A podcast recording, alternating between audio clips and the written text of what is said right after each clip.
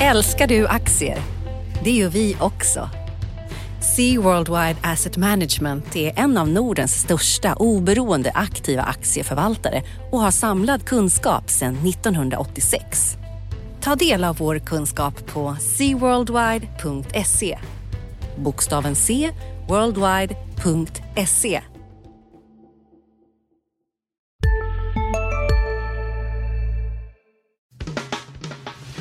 Analyspodden från Dagens Industri. Hej och välkommen till Analyspodden. Bakom spakarna här idag på Dagens Industris huvudkontor så har vi mig, Johan Wendel, reporter och analytiker på tidningen och med mig har jag Felicia Åkerman, reporter på tidningen. Välkommen. Tack. Det blev en ganska dramatisk börsdag här som vi klev in i studion på. Dagen inleddes med att vi fick en eh, vinstvarning här från eh, mätteknikbolaget Hexagon mm. och de faller ju faktiskt mellan 13 och 15 procent här på morgonkvisten och drar med sig börsen i övrigt, eller hur? Mm. Ja, det är neråt.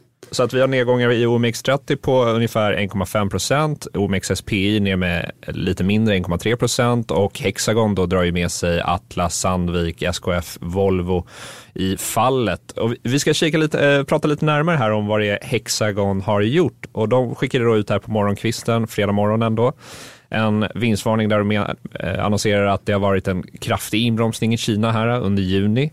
De pekar på sitt segment som heter Manufacturing Intelligence och specifikt elektroniksegmentet inom den divisionen. Att det har varit en effekter av handelskriget här eh, som de har märkt av tydligt under juni eh, som har då föranlett den här eh, vinstvarningen och de meddelar att deras organiska tillväxt här i Q2 kommer landa på ungefär minus en procent och de lanserar också ett sparprogram. 700 pers ska få gå från bolaget här och eh, när man hör allt det här så blir man ju inte så håsad på de här verkstadsbolagen, eller vad säger du Felicia? Nej, inte spontant. Jag tycker också att man kan notera att även GM lämnade svaga siffror nu på morgonen och hänvisar till just Kina. Så det är inte bara Hexagon som känner av de här problemen man har ju varit lite förvånad med Hexagon kanske, därför de, har ju, de är ju ett konjunkturkänsligt bolag, men under Ola Roléns ledning så har de haft en fantastisk utveckling på börsen. Här. Han tog över vid millennieskiftet här om, omkring där. Och eh, de har ju, om man tittar på deras aktiekurs så tuggar den ju bara på uppåt hela tiden oavsett vad som händer.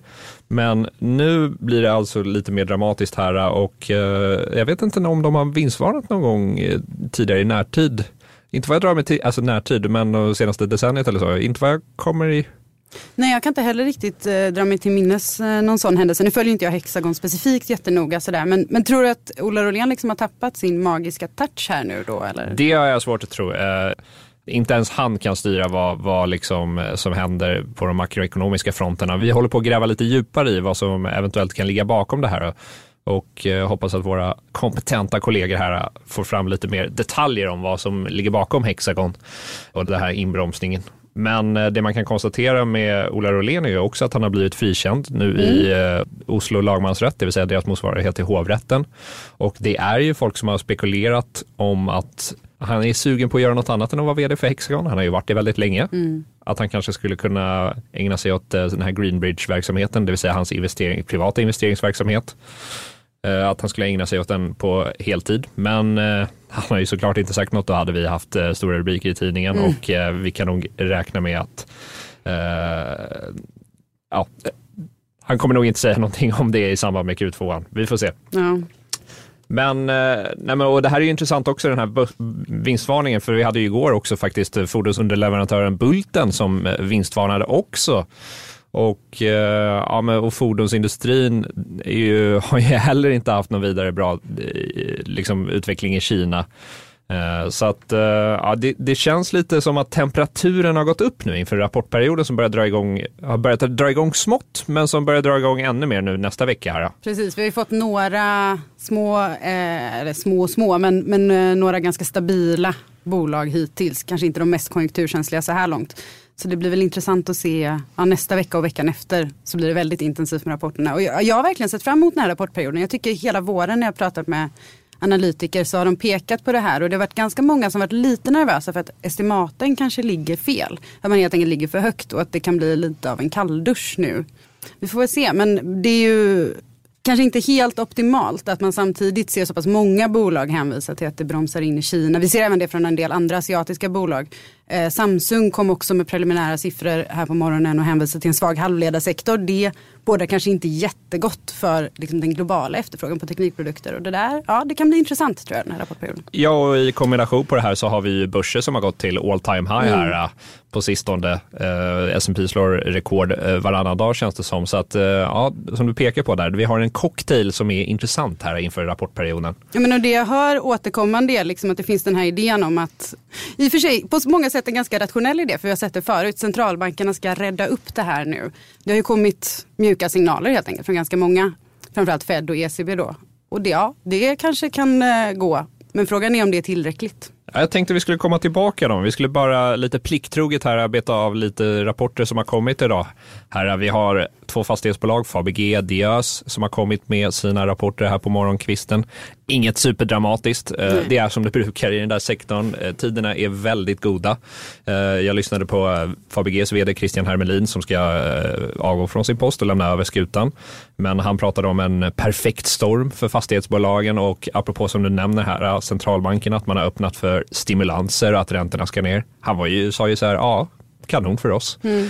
Såklart, och han, han menar på att de märker liksom ingen vidare inbromsning utan det är fortsatt god eh, efterfrågan på eh, liksom kontor och, och så vidare. Så att ja, tiderna är goda för dem. Så det var ingen större dramatik där helt enkelt. Och sen har vi då industrivärden som också kom in här precis nu klockan 10 på morgonen och eller på förmiddagen ska vi säga. Eh, och eh, ja, ingen större dramatik vad jag såg. Uh, hade en lite sämre utveckling än börsen. Totalavkastning på 19 procent. Börsen har gått 21 procent under den här perioden som deras mätperiod. Men vi ska inte lägga allt för mycket tid på det. Men jag tänkte att vi skulle komma tillbaka till centralbankerna nu. Därför om vi blickar tillbaka i veckan lite så har vi ju ett räntebesked från Riksbanken där de oförändrad reporänta på minus 0,25, mm. oförändrad räntebana. Mm. Vad ska man dra för slutsatser av det här Felicia? Jag tycker vår kollega Viktor Munkhammar formulerade det bra när han i veckan skrev att det var liksom den inhemska styrkan som trumfade den utländska oron. Eh, precis så känns det ju. Riksbanken lyfter att det fortfarande finns eh, en hel del risker i omvärlden. Men att den svenska ekonomin tuffar på ganska bra och inflationen har ju efter de här missarna i början av året så har inflationen också kommit in i linje med prognosen. Intrycket är väl att de flesta tror ju att man kommer vara tvungen att sänka den här räntebanan. Att inte, I nuläget så indikerar den en höjning runt årsskiftet, antingen precis i slutet på året eller i början på nästa år. De flesta som jag pratar med, de flesta analytikerkommentarer jag läser konstaterar att den ska ner. Vissa tror att den ska ner ganska mycket. Det är väl frågan om det blir så illa. Jag skulle väl spontant kunna tänka mig att man kanske får anledning att se över den i september. För annars börjar det bränna till lite med den där höjningen mot slutet av året. Om den ska bli av eller inte. Å andra sidan kan man ju skjuta då på det till efter årsskiftet och köpa sig lite mer tid. Eh, stalltipset är väl att man kommer behöva sänka räntebanan en aning i alla fall. Men eh, det var väldigt splittrade idéer om det inför mötet och jag tror att det är fortfarande ganska splittrat efter även om det är en viss övervikt mot att de flesta nog tror att det blir en sänkning av räntebanan. Ja, jag såg lite så här folk som eh, ligger och handlar eh, valutor och, och, liknande, hur de skulle positionera sig här inför beskedet. Och de som fick rätt var ju de här som trodde på en lite mer hökaktig riksbank. Mm. Eh, vilket vi nu fick kanske. Och eh, kronan stärktes ju på det här beskedet. Eh, kommer den här förstärkningen att fortsätta eller är det Alltså frågar du Riksbanken så har ju de nu faktiskt gått med på att skriva ner sin prognos för kronan efter att ha fått ganska mycket skit för den. Så som kronan låg precis efter beskedet, om man då tittade på den nya prognosen för KIX, det här eh, handelsviktade indexet, så tänkte sig Riksbanken då i alla fall att kronan ska vara i princip oförändrad resten av året. Innan har ju de konsekvent liksom tyckt att nej, men den ska ju stärkas. Och det tycker de fortfarande, men de har skrivit ner liksom, hur snabbt det här ska gå. Och sen har, kom ju kronan ner lite grann igen också. Den stärktes ju på beskedet. Eh, men jag tror att det är fortfarande så att man tittar utåt och så känner man nej, fast hur ska Riksbanken stå emot det här? Å andra sidan så tycker jag att det var intressant. Jag lyssnade inte på hela presskonferensen för det var ganska mycket annat som hände den dagen också. Men jag tyckte att Ingves lät lite hökaktig och han pratade om att man liksom kan tänka sig att se igenom tillfälliga svackor, inflationen och sådär. Riksbanken själva tror ju att den ska ner kanske lite nu eh, under sommaren här. Så ja, det, det blir väldigt intressant att se om man tänker sig att man ska kunna stå emot det. Alltså lilla Sverige har ju lite svårt för att göra det. Å andra sidan går den svenska ekonomin ganska bra och kommer inflationen in i linje med målet, då börjar det bli ganska svårt att argumentera för att man helt enkelt inte ska hålla sig där. Att man ska hålla på och mjuka upp ytterligare. Det underminerar ju lite förtroendet för det här inflationsmålet om man liksom konsekvent ligger nära det och sen aldrig någonsin tycker att man kan ha en normal penningpolitik. Jag tror att de själva kanske vill väl gärna upp till den här nollräntan i alla fall. Det, det, det är inte så jättekul för dem att ligga på minusränta tror jag. Nej. Men sen kan man ju då, och, och, som du säger, vad är en normal penningpolitik då ja. i, i, i, vårt uh, nya läge? Jag vet inte vad den neutrala räntan är. Nej, men det... Vi, det snackas ju om en neutral ränta nära noll i alla fall och mm. då är mm. frågan liksom, ja men då ska ju reporäntan inte upp så jäkla mycket till faktiskt. Mm. Nej visst, men jag tror att du har rätt i att den här noll, det, det är psykologiskt viktigt vid det här laget tror jag. Att man ska bort från minusräntan. Nu har vi legat där så himla länge. Och som du säger det här att du tolkade Stefan Ingves som lite mer eh, hökaktig. Det känns ju som att vi inte ska glömma bort att han, innan han var superduva, Stefan Ingves, var han ju också superhök mm. faktiskt. Han har ju varit eh, båda två. Han höjd, man höjde ju här innan finanskrisens utbrott. Eh, så att eh, han har inga problem med att vara impopulär eller gå mot strömmen kan man säga. Nej, eller? det kan man verkligen säga. Det verkar inte röra honom så mycket i ryggen faktiskt. Men om vi, om vi blickar ut på centralbankerna lite mer i eh, den vida världen så har vi ju haft lite händelser också. Vi får ju en ny ECB-chef nu också mm. i Christine Lagarde som för närvarande är chef för IMF. Tidigare har hon bland annat varit eh, Frankrikes finansminister också. Vad var din reaktion på det här uh, valet? Jag tyckte det var ett jätteintressant val faktiskt. Men jag, jag, är lite fascinerad av henne som person så det kanske färgades av det. Hon är ju liksom inte ekonom. Hon är ju jurist från början. Å andra sidan är ju det sant om Jerome Powell på Fed också. Och eh, sen kanske folk har olika idéer om huruvida han klarar upp det här jobbet så himla bra. Men, men eh, eh, det är ju inte liksom, det finns tidigare exempel på det här. Spontant Sista dagarna nu på vårens stora season sale. Passa på att göra sommarfint hemma, både inne och ute och fynda till fantastiska priser. Måndagen den 6 maj avslutar vi med Kvällsöppet i 21. Välkommen till Mio. Hej, Synoptik här. Visste du att solens UV-strålar kan vara skadliga och åldra dina ögon i förtid? Kom in till oss så hjälper vi dig att hitta rätt solglasögon som skyddar dina ögon. Välkommen till Synoptik så känns det väl som att faktumet att hon liksom inte är ekonom kommer behöva förlita sig ganska mycket på liksom teknokraterna på ECB kombinerat med att Mario Draghi verkar göra sitt bästa för att mura in sin efterträdare i en jättemjuk penningpolitik så känns det ju som att hon om man bara tittar på den rena penningpolitiken och vad som kommer hända med räntan och sådär så, så kommer hon nog sannolikt fortsätta ganska mycket i hans spår. Det blir liksom inte den här hökaktiga tysken som kommer in och, och styr upp på det sättet. Däremot så tycker jag att hon är också ett intressant val, både i sin roll som finansminister och eh, i sin roll på IMF så har hon ju hon har en väldigt stor så här, diplomatisk erfarenhet i ryggen. Och en grej som ECB har bönat och bett om på sina knän i så många år nu är ju att eh, regeringarna i euroområdet också ska ta lite ansvar och använda finanspolitiken lite mer och inte låta centralbanken stå helt på egna ben och försöka parera det mesta. Där kan man ju tänka sig att hon med liksom det kontaktnät hon har och de erfarenheter hon har kanske skulle kunna komma in och vara lite bättre på att driva den linjen och faktiskt få lite resultat. Sen å andra sidan så hon är ju eh, fransyska. Det fanns ju en tid, ett tidigare försök till en uppgörelse här där det såg ut som att det just skulle bli Tyskland som knep ECB-posten. Nu fick de inte den så det börjar kanske med lite dålig stämning i gruppen där. Tyskarna är ju ganska kända för att inte vilja använda sin finanspolitik på ett expansivt sätt. ECB brukar ju vara på dem ganska hårt. Så jag vet inte, hon kanske kommer in på ett lite jobbigt sätt eh, i det här. Men jag tror, ja, jag tror att hon kan bli intressant. Och sen ska ju nämnas också att tyskarna fick ju eh...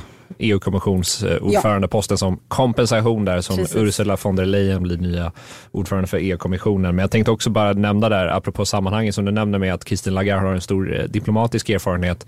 Och då syftar det naturligtvis på, hon var ju en av de här äh, aktiva parterna i till exempel Grexit mm. när det mhm. var högaktuellt. Jag tolkar det som att hon har varit ganska stöttande också till Mario Draghis penningpolitik. Alltså mm. hon har inte varit emot den en annan ECB-contender är ju Jens Weidmann, tysken då, som du, ja. du har eh, refererat till här. Och han har ju varit lite mer hökaktig, även om han, man märker att han har haft någon kampanj nu senaste året Precis. eller någonting där han försökt ta tillbaka vissa grejer och tona ner andra grejer.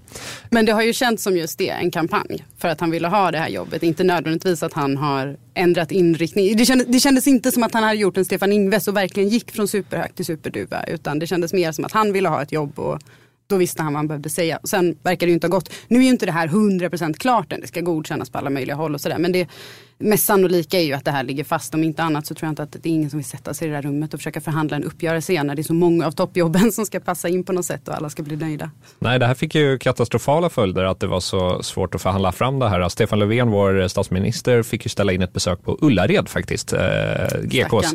Ja, så att eh, det fick eh, riktigt eh, jobbiga konsekvenser. Men eh, om vi tittar också då på helheten här när vi då antagligen får en ny EU-kommissionsordförande i Ursula von der Leyen. Eh, vi har Christine Lagarde som ny ECB-chef eventuellt. Ditt intryck är alltså ändå att det blir inga större förändringar av eh, penningpolitik? Nej, i alla fall inte på ett tag. Alltså, ECB tänker ju sig inte att de ska behöva röra den här räntan förrän tidigast vid halvårsskiftet nästa år. Möjligtvis så, så här, lite konspiratoriskt så kan man ju säga att Mario Draghi har lite tid till på sig om han vill mura in ännu mer. Det är möjligt att han liksom går den vägen. Det känns ju inte som att han är på väg att liksom hårdna, tvärtom. Så nej, alltså intrycket är ju att ECB kommer vara ganska låsta ett tag till. Säkert under merparten av nästa år. Ja, och, och, så blir det såklart spännande att se här, för på fredags eftermiddagen får vi ju lite viktiga jobbsiffror från mm. USA eh, på andra sidan dammen som vi kallar Atlanten.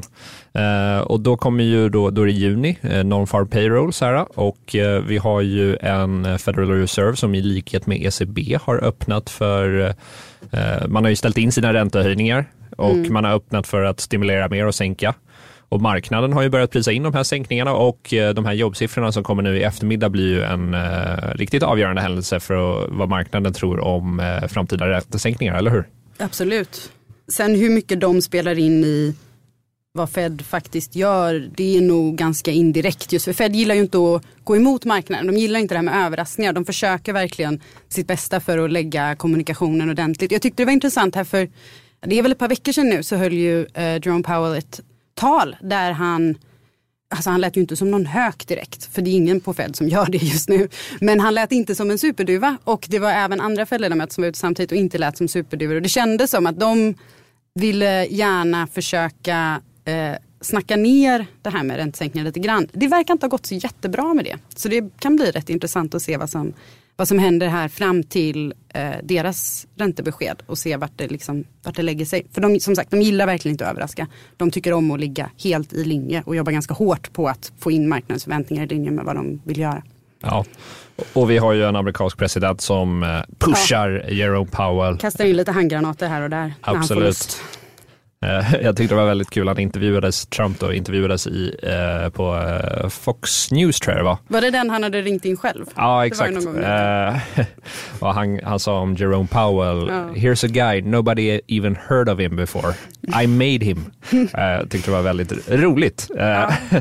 Men om vi kikar lite på Sverige här och så har vi haft ett inköpschefsindex för tjänstesektorn som mm. kanske inte var något kanon Nej. heller. Så det är också så här att att, eh, konjunktursignaler att det inte står, eh, allt står rätt till här i Sverige.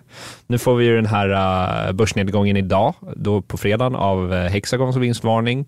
Den kanske öppnar för ett lite sämre börsnarrativ här i Sverige, eller är vi för beroende av utlandet tror du? Nej men det kan mycket väl. Eh, man kan också notera orderingången för industrin kom ju här på morgonen och den var inte heller sådär kanon egentligen. Det var, inte, det var inga katastrofsiffror men de allra flesta av delindexen gick ju ner och om man tittar på utvecklingen hittills i år så är det också, det är ner, inte jättemycket men det är inte någon anledning att tänka sig att Sverige ska stå liksom som en fredad liten zon när man ser en inbromsning i resten av världen direkt. Och det har ju varit en ganska, om man tittar på liksom inköpschefsindexen framförallt så har det varit en ganska dyster vår överhuvudtaget. Och har, jag har inte sett någonting som ger anledning att tänka att det vänder direkt. Sen ska man komma ihåg att ja, det är framåtblickande index. Liksom. Det kan vara så att man, och just, just eh, tjänstesektorn kan faktiskt skilja sig ganska mycket från det faktiska utfallet sen i tjänsteproduktionen. Så den kan man vara lite extra försiktig med, kanske jämfört med industrisidan. Men eh, det ger en inte anledning att känna, gud vad härligt, vi står här på vår sköna lilla svenska ö eh, och står så himla starkt gentemot alla andra, även om det inte är något katastrofscenario än direkt.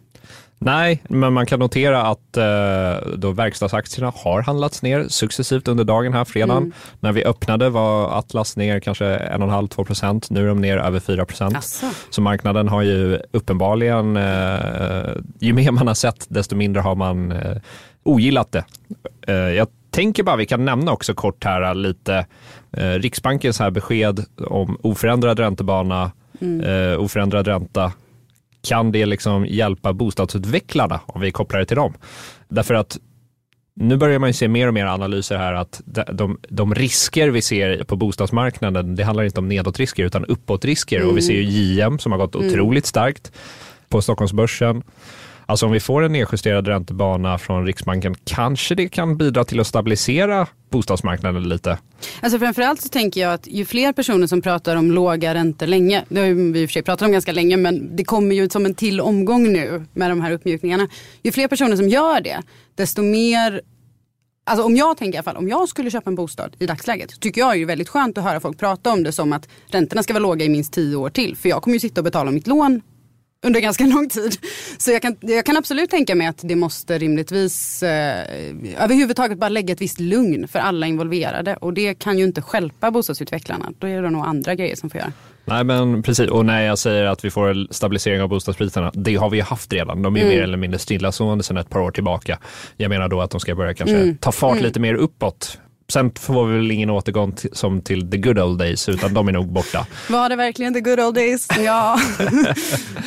uh, ja, vi får se.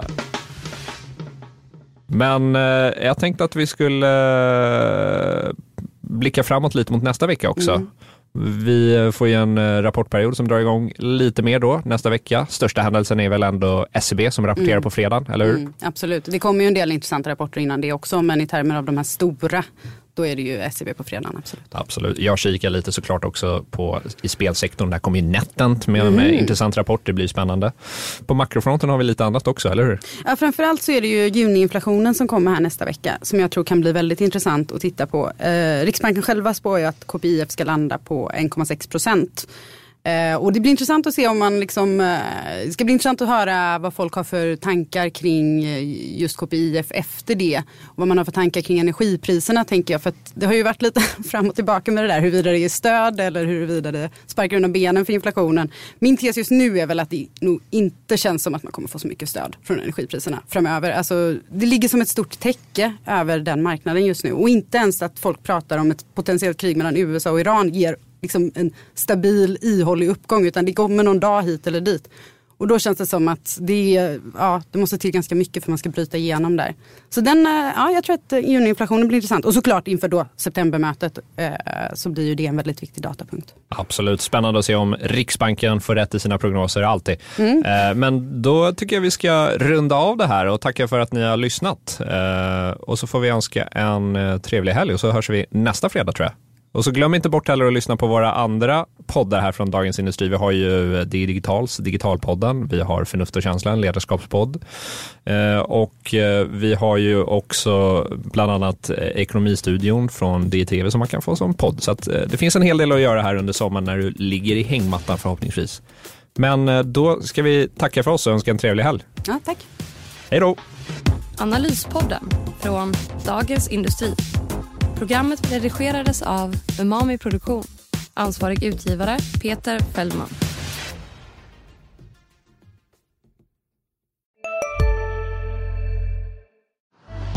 Älskar du aktier? Det gör vi också. Sea Worldwide Asset Management är en av Nordens största oberoende aktiva aktieförvaltare och har samlad kunskap sedan 1986.